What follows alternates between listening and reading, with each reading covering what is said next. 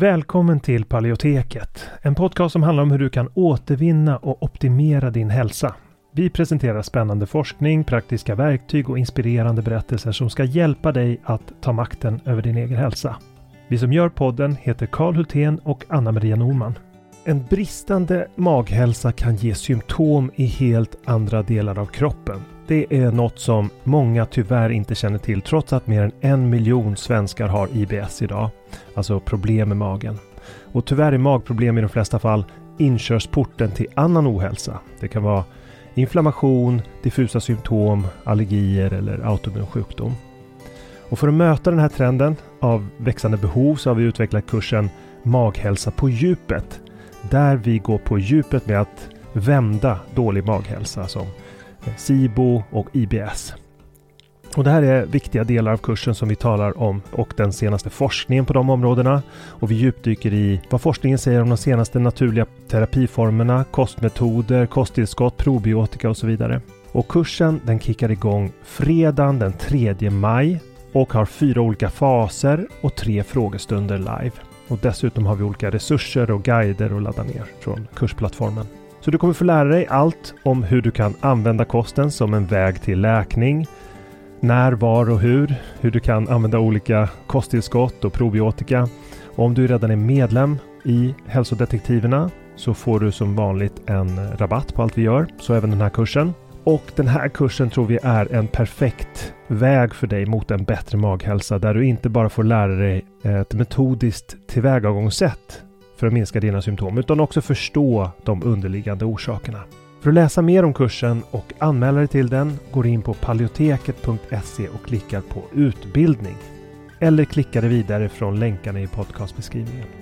Så varmt välkommen till Maghälsa på djupet. Vi ses där när kursen startar, den 3 maj.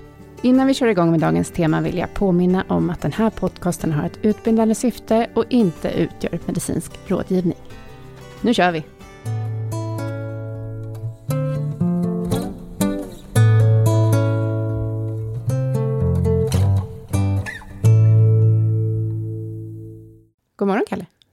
God morgon, Anna-Maria. Vi ska prata om en studie idag. Mm. Eh, väldigt intressant studie. Men eh, först kanske vi bara ska berätta att vi har föreläst tillsammans för första gången. Ja, det var en intressant upplevelse. Ja. Först var du lite nervös. Jag tänkte så här, kan hon överhuvudtaget komma ihåg vad hon ska säga? Men ja. när vi var, var där så kom jag ihåg vad jag skulle säga. Ja, det var ett otroligt lyft du gjorde från eh, övningsdagen till dagen D, måste man ändå säga. Jag blev lite nervös där. Jag bara, du är helt rätt uppfattat. Ja, ja. Nej, men det gick bra. Mm. Uh, jag var nog mest nervös över att jag skulle stå där tillsammans med dig och att jag skulle känna mig som så här, den grå lilla musen bredvid. Tvärtom, det blev jättebra. Ja. Verkligen. Ja. Nej, men uh, så det var ju kul. Det var ju kul, det var ju uh, Paleofestivalen. Och eh, det var massa andra aktörer där. Det var kul att träffa massa folk som är intresserade av samma sak och så. Ja, verkligen. Det mm. var många som jag träffade för första gången eh, som eh, är väldigt, eh, som, som du kanske haft mer att göra med. Mm. Men det var väldigt roligt att få träffa alla. Ja, jag har inte träffat alla heller, så det var ju superkul. Mm. Men eh, sen är det ju, de tänkte göra det igen. Uh, Paleo Sverige som arrangerade det, så det kanske blir större nästa år. Mm. Men nu ska vi prata om den här studien. Och eh, vi eh, ville rama in det lite med eh, en, eh, ett litet citat från vår bok. Och det är så här. Det som varit en del av människans miljö, kost och livsstil under en betydande del av evolutionen kan betraktas som hälsosamt tills motsatsen är bevisad. Det omvända gäller också att det evolutionärt nya kan betraktas som ohälsosamt tills motsatsen är bevisad. Mm. Så att, eh, vad betyder det här egentligen?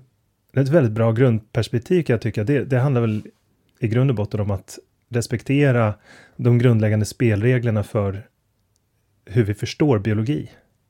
Att inte bara slänga ut hela evolutionsläran när vi ser på eh, livsstil och forskning. Alltså, vi behöver ett ramverk att sätta in våra erfarenheter i, annars så blir det bara kaos av det. Det blir, eh, jag tror att jag har pratat jättemycket om det förut, men att vi människor är ju inte uppbyggda forskningsmässigt i grunden, tänker jag, utan att vi är önsketänkande, vi är ideologiska, vi är känslomässiga och det styr vår kognition.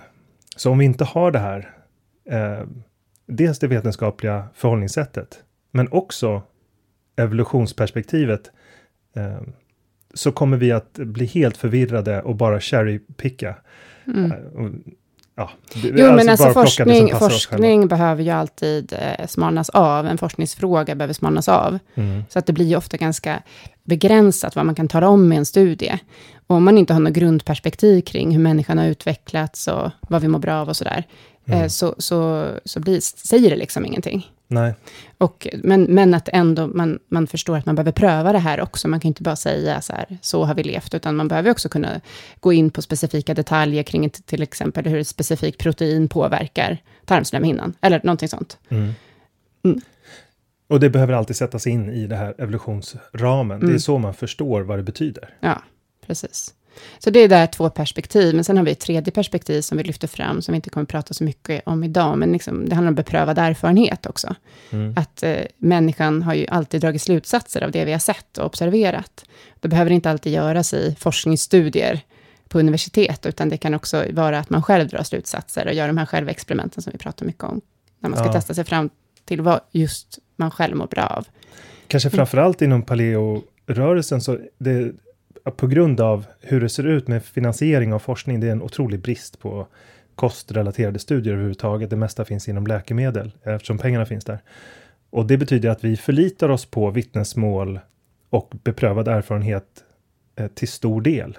De här studierna som vi ska kolla på idag är av hög kvalitet och så, men de är ju relativt få om man jämför med bara ett enda läkemedel. Mm. Har, har ju, kan ju ha tusentals studier. Mm. Eh, Medan det då finns de här 28 kliniska prövningarna.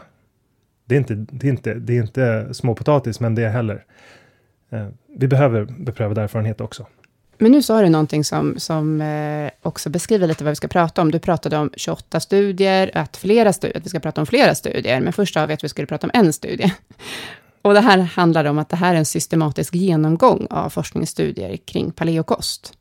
Och det här är eh, på så sätt en otroligt intressant studie.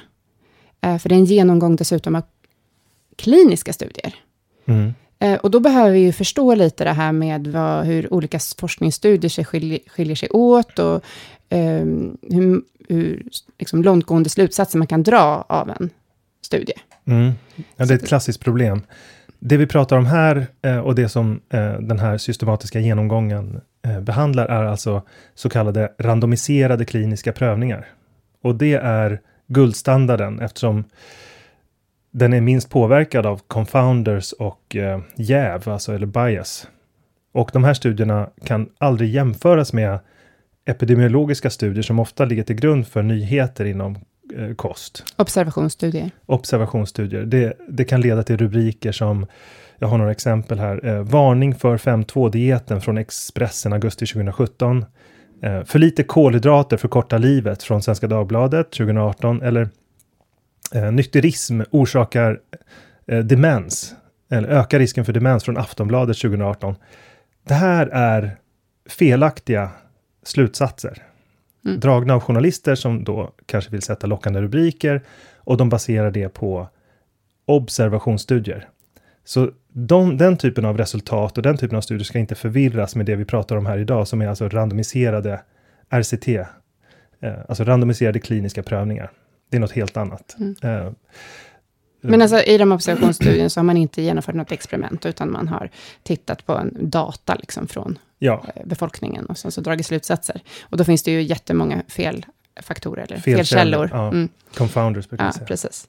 Men sen finns det ju andra studier också som man och ofta använder. Och jag menar, vi vill ju också säga att vi kan ju använda alla de här studierna. Vi behöver ju använda de studierna som finns, men ändå att man värderar det. Och mm. kanske, det kanske, man kan med en observationsstudie kan utforma en hypotes, som man sen kan testa i en klinisk studie till exempel. Mm.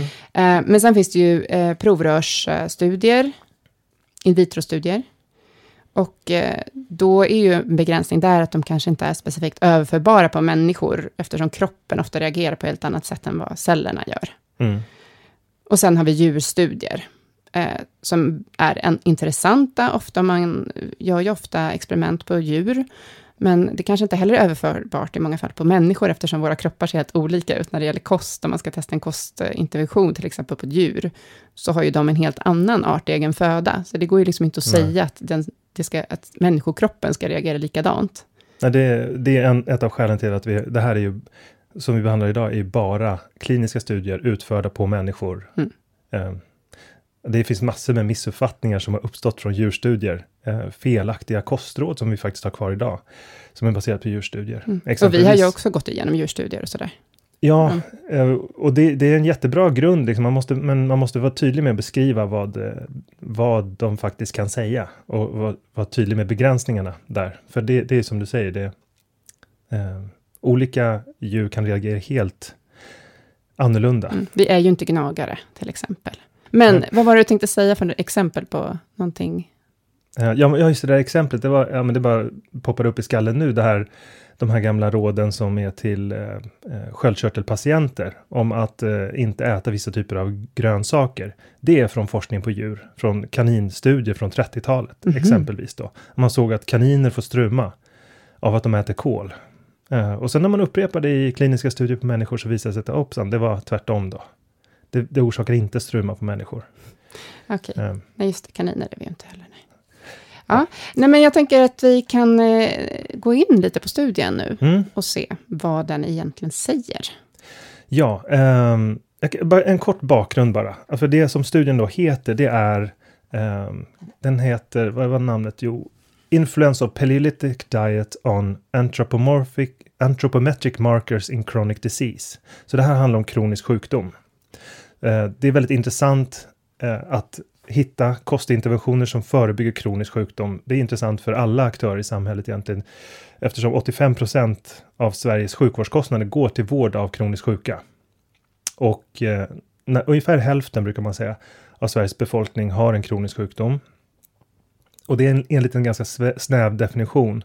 Det handlar då främst om cancer, diabetes, hjärtsjukdom. Ehm, men egentligen, eh, det, det, finns, det är WHOs definition det finns andra definitioner som är lite bredare.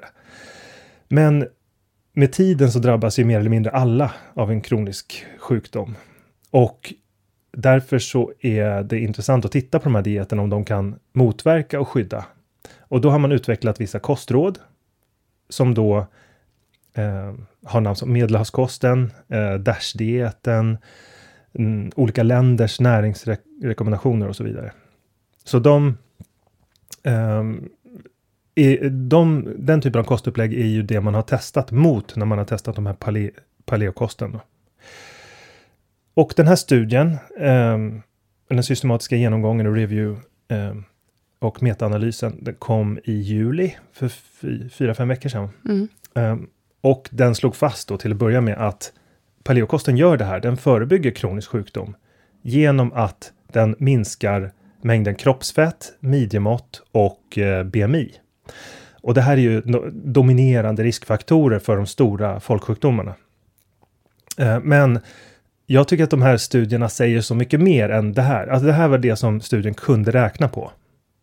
Men studierna studerar ju mycket mer än så och därför så har jag gått igenom alla studierna. Ehm, och eh, tittat lite mer i detalj på vad de har för övriga resultat som kanske inte gick att räkna på för att det, det, kanske är så att de har tittat på en eh, markör och den markören återkommer sen inte i andra studier och det betyder att man kan inte räkna på den. Men, de här, men det kan ändå vara intressant för att ge en bild av vad, vad har man sett att paleokosten kan medföra? Ehm, och till att börja med så jag tycker att det är spännande med de här kroniska autoimmuna sjukdomarna. Och de har inte varit fokus. Eh, de, de, jag, jag vill först prata om fyra studier som är på autoimmuna och inflammatoriska sjukdomar. Bara två av de här var inkluderade i metaanalysen och genomgången för att de var så nya. Um, till att börja med, och det här har vi pratat om förut, men jag bara går kort igenom dem. Uh, dels en studie på inflammatorisk tarmsjukdom från 2017. Som vi har pratat om i ett Den har vi pratat avsnitt. om i ett helt mm. avsnitt.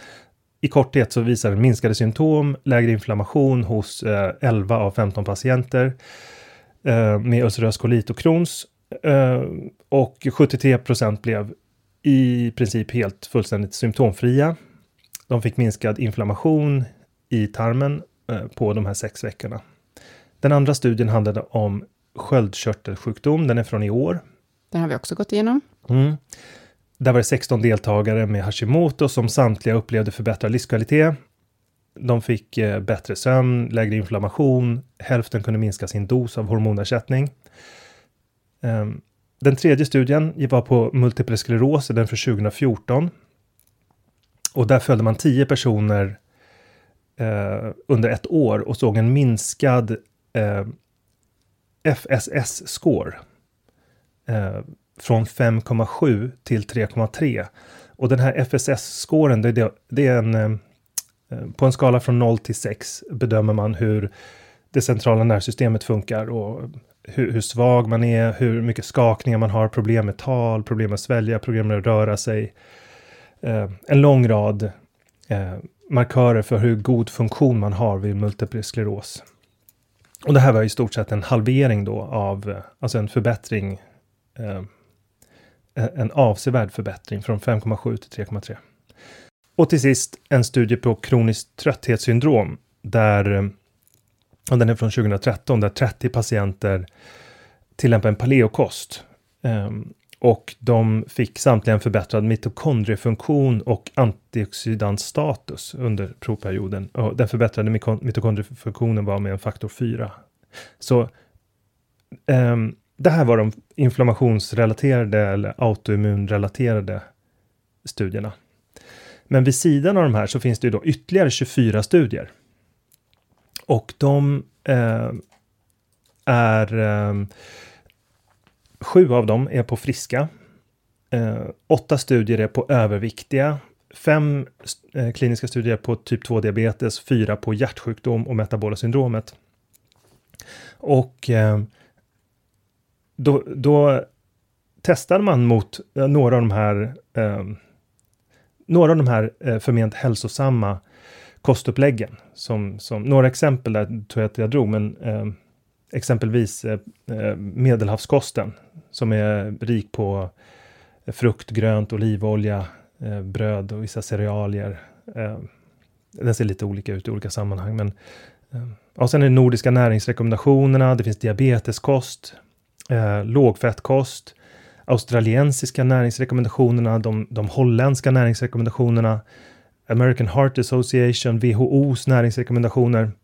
Eh, alltså paleokosten har testat mot nästan allt som kan betraktas som nyttigt i, eh, och sjukdomsförebyggande. Och eh, det man såg här var ju att eh, i samtliga fall så presterade paleokosten bättre än alla de här förment nyttiga eh, kostuppläggen. Förment? Ja, alltså Lite starkt ord. De kanske ja. också är nyttiga. Eller? Jo, men absolut. Fast, De, fast paleokosten är nyttigare. Ja, nej, men det, precis, det var lite... Eh, det, det, jag menar är att det, det, varierar väldigt stort såklart mellan de där olika uppläggen. Det, det är väl bara så att um, det, ofta... en del av de här studierna har kritiserats med att eh, ja, men paleokosten, den är ju den är kanske bättre bara för att det är placebo. Men jag menar ju att det, nej, det borde tvärtom, eftersom fördelen med paleokosten, den är inte välkänd. Och de dieter som förespråkas av ledande auktoriteter, det är det är sådana som diabeteskost och medelhavskost och de, de har alltså bättre. Det borde alltså vara omvänt att, att paleokosten har presterat bättre än de här kostuppläggen. Inte på grund av, det, inte på grund av, eh, av eh, placebo, utan trots placebo. Mm. Det är därför man har valt de kostuppläggen, för att de betraktas som häls hälsosamma. Men sen har det väl varit specifika markörer man har mätt också? Mm. Det är lite svårt att eh, fuska sig till, eller så här, att, att placebo ska förändra de här markörerna. Nej, men placebo har en betydande effekt på markörer som, det kan mm. ha effekt på markörer som inte mm. Är eh, liksom bara mentala, utan mm. det kan ha effekt på blodprov och inflammationsnivåer och så. Mm. Men, men eh, Ehm, jag tycker att det var intressant ändå att, uh, att se hur många olika områden som påverkas här. Om man ska gå igenom resultaten av studierna så till att börja med så ser man ju generellt en, en inflammationseffekt. Och den inflammationseffekten har man sett vid, eh, vid övervikt, vid diabetesstudier, sköldkörtelstudien och inflammatorisk tarmsjukdom.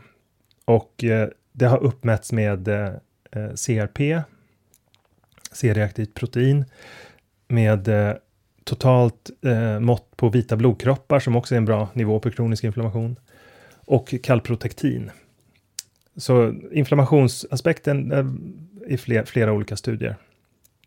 Sen har du effekten på hjärnan, alltså förbättrad minnesfunktion under, det är en studie på menopaus, alltså kvinnor i under eh, klimakteriet och menopausen. Eh, där, där, kan det finnas minnes, minnespåverkan och då förbättrar paleo minnesfunktionen där. Sen minskad utmattning, det är vid multipel skleros. Och sen högre välbefinnande. Vi, vi, ja, det är såklart väldigt, väldigt många av de här studierna visar på bättre välbefinnande eftersom minskade symptom i praktiken är det samma sak som det.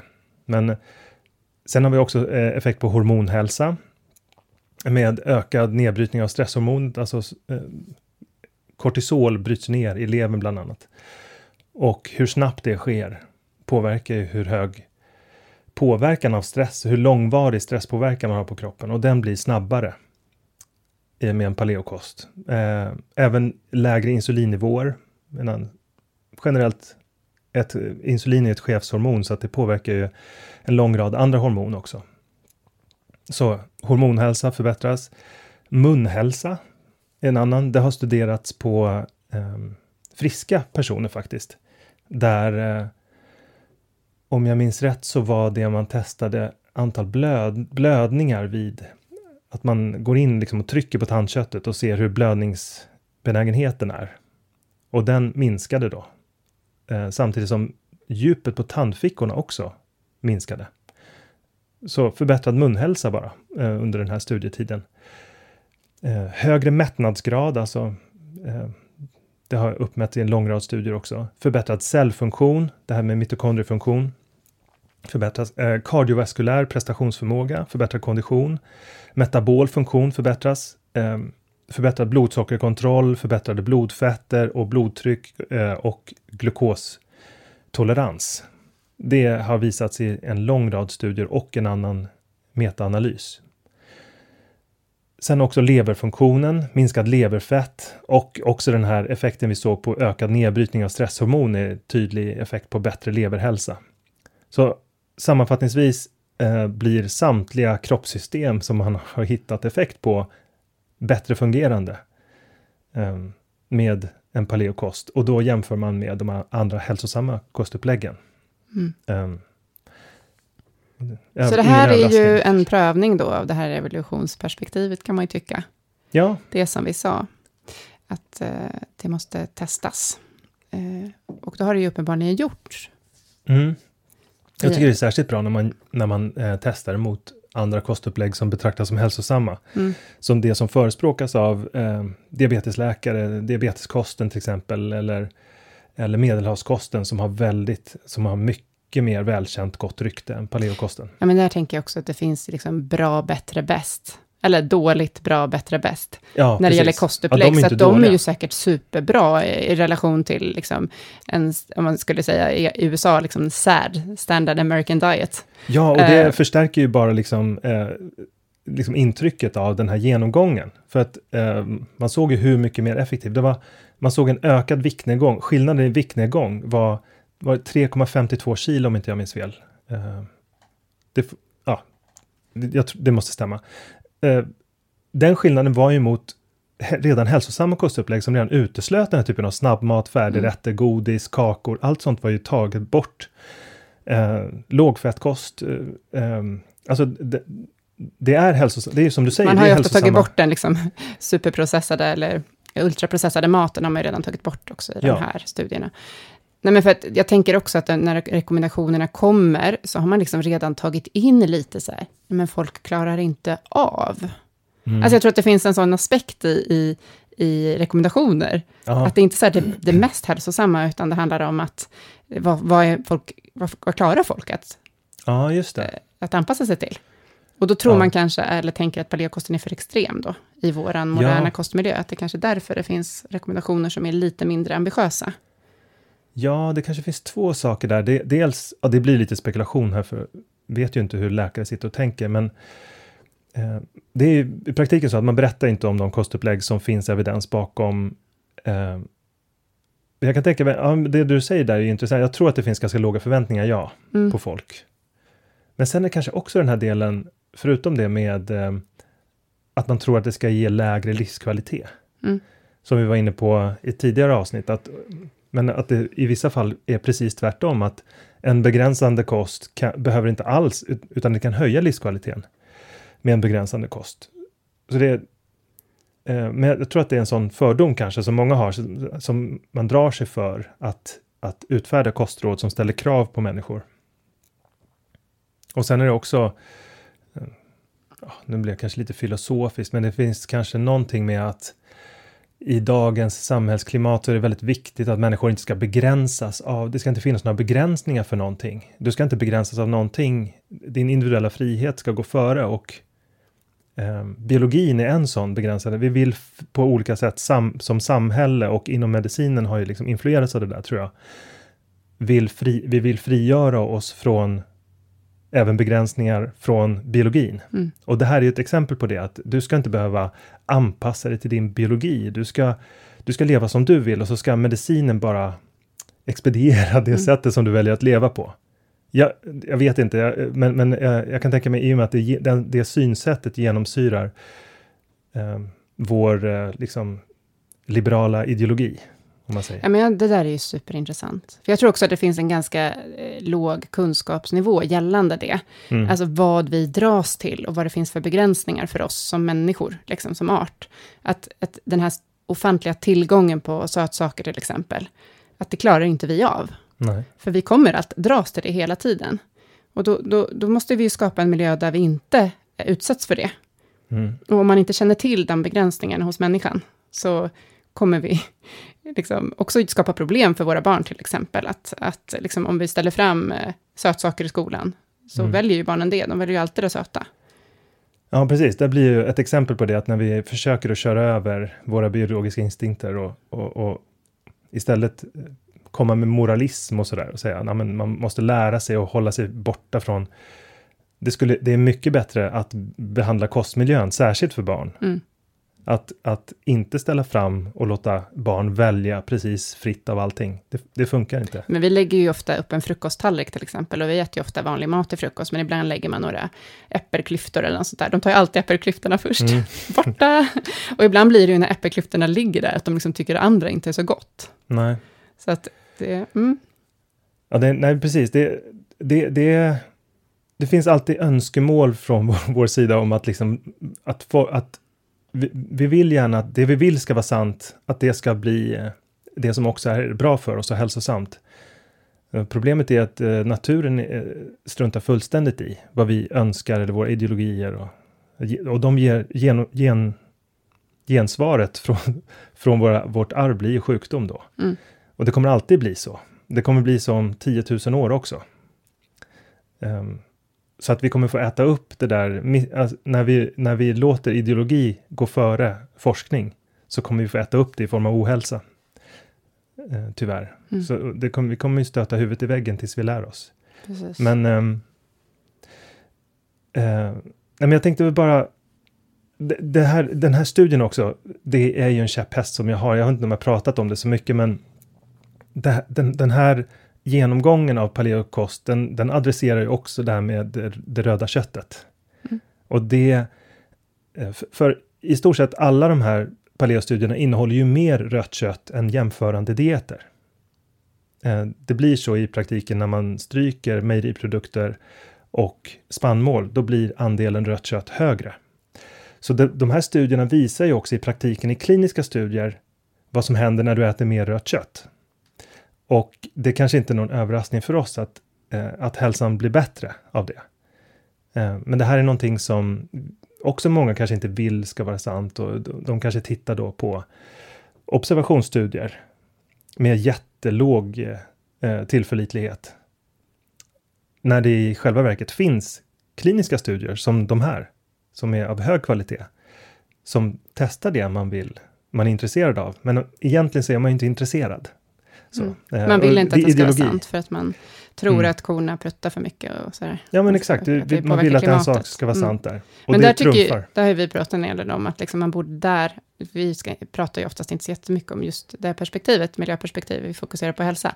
Men att det ändå är, liksom, det finns ju sätt att, att bedriva djurhållning som inte bidrar negativt till klimatet. Att det är det man borde förespråka om man är miljövän. Mm. Vi kanske skulle nysta i det i något enskilt poddavsnitt. Ja. Även om det inte är vårt expertisområde så, så är det ju så, och den gängse debatten kring det där är ju på en så otroligt låg nivå så att man behöver inte vara en expert för att hitta luckorna mm. i det, de resonemangen. Mm. Men, men också känns det viktigt att liksom, de som verkligen försöker bedriva djurhållning på ett bra sätt, att, ja. att de då istället får mera kunder än att alla ska gå bort ifrån det.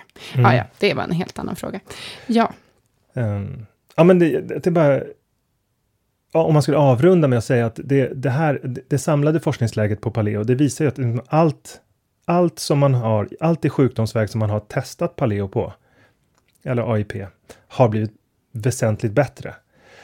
Och det har blivit väsentligt bättre i jämförelse med de rekommenderade kostupplägg som idag finns, som ska förebygga det här och tackla de kroniska sjukdomarna. Så att det finns inte en enda studie Mm. Det finns inte en enda studie som visar att något av det man rekommenderar idag är bättre än paleo. Det finns inte mm. någon studie som visar att det eh, skulle vara bättre med Precis. diabeteskost eller, eller medelhavskost eller eh, det är bara viktigt att komma ihåg. Mm.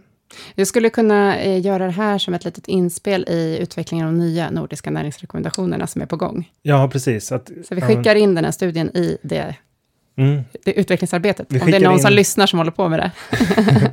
vi skickar in uh, Darwins bok, ja, just det. Uh, gör vi. Uh, arternas uppkomst mm. och uh, så skickar vi in den här, genom, den här genomgången av forskningsläget. Mm. mm. Perfekt, mm. ja men bra. Tack för idag. Tack för idag, hejdå. Mm. Hejdå.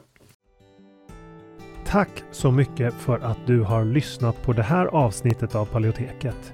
Vi hoppas att det har varit till nytta för dig. Om du vill få hjälp att uppnå dina hälsomål står vi redo att hjälpa dig. Vårt medlemskap Hälsodetektiverna är en gemenskap online där du träffar likasinnade, får hälsoinspiration hela året och kan ställa frågor direkt till oss på våra medlemsseminarier. Nu under våren startar också två onlinekurser. AIP Masterclass är kursen för dig som vill lära dig allt du behöver veta om kostupplägget AIP, autoimmunprotokoll, samtidigt som du blir guidad genom en stegvis process med både läkningsfas, utvärdering och återintroduktioner.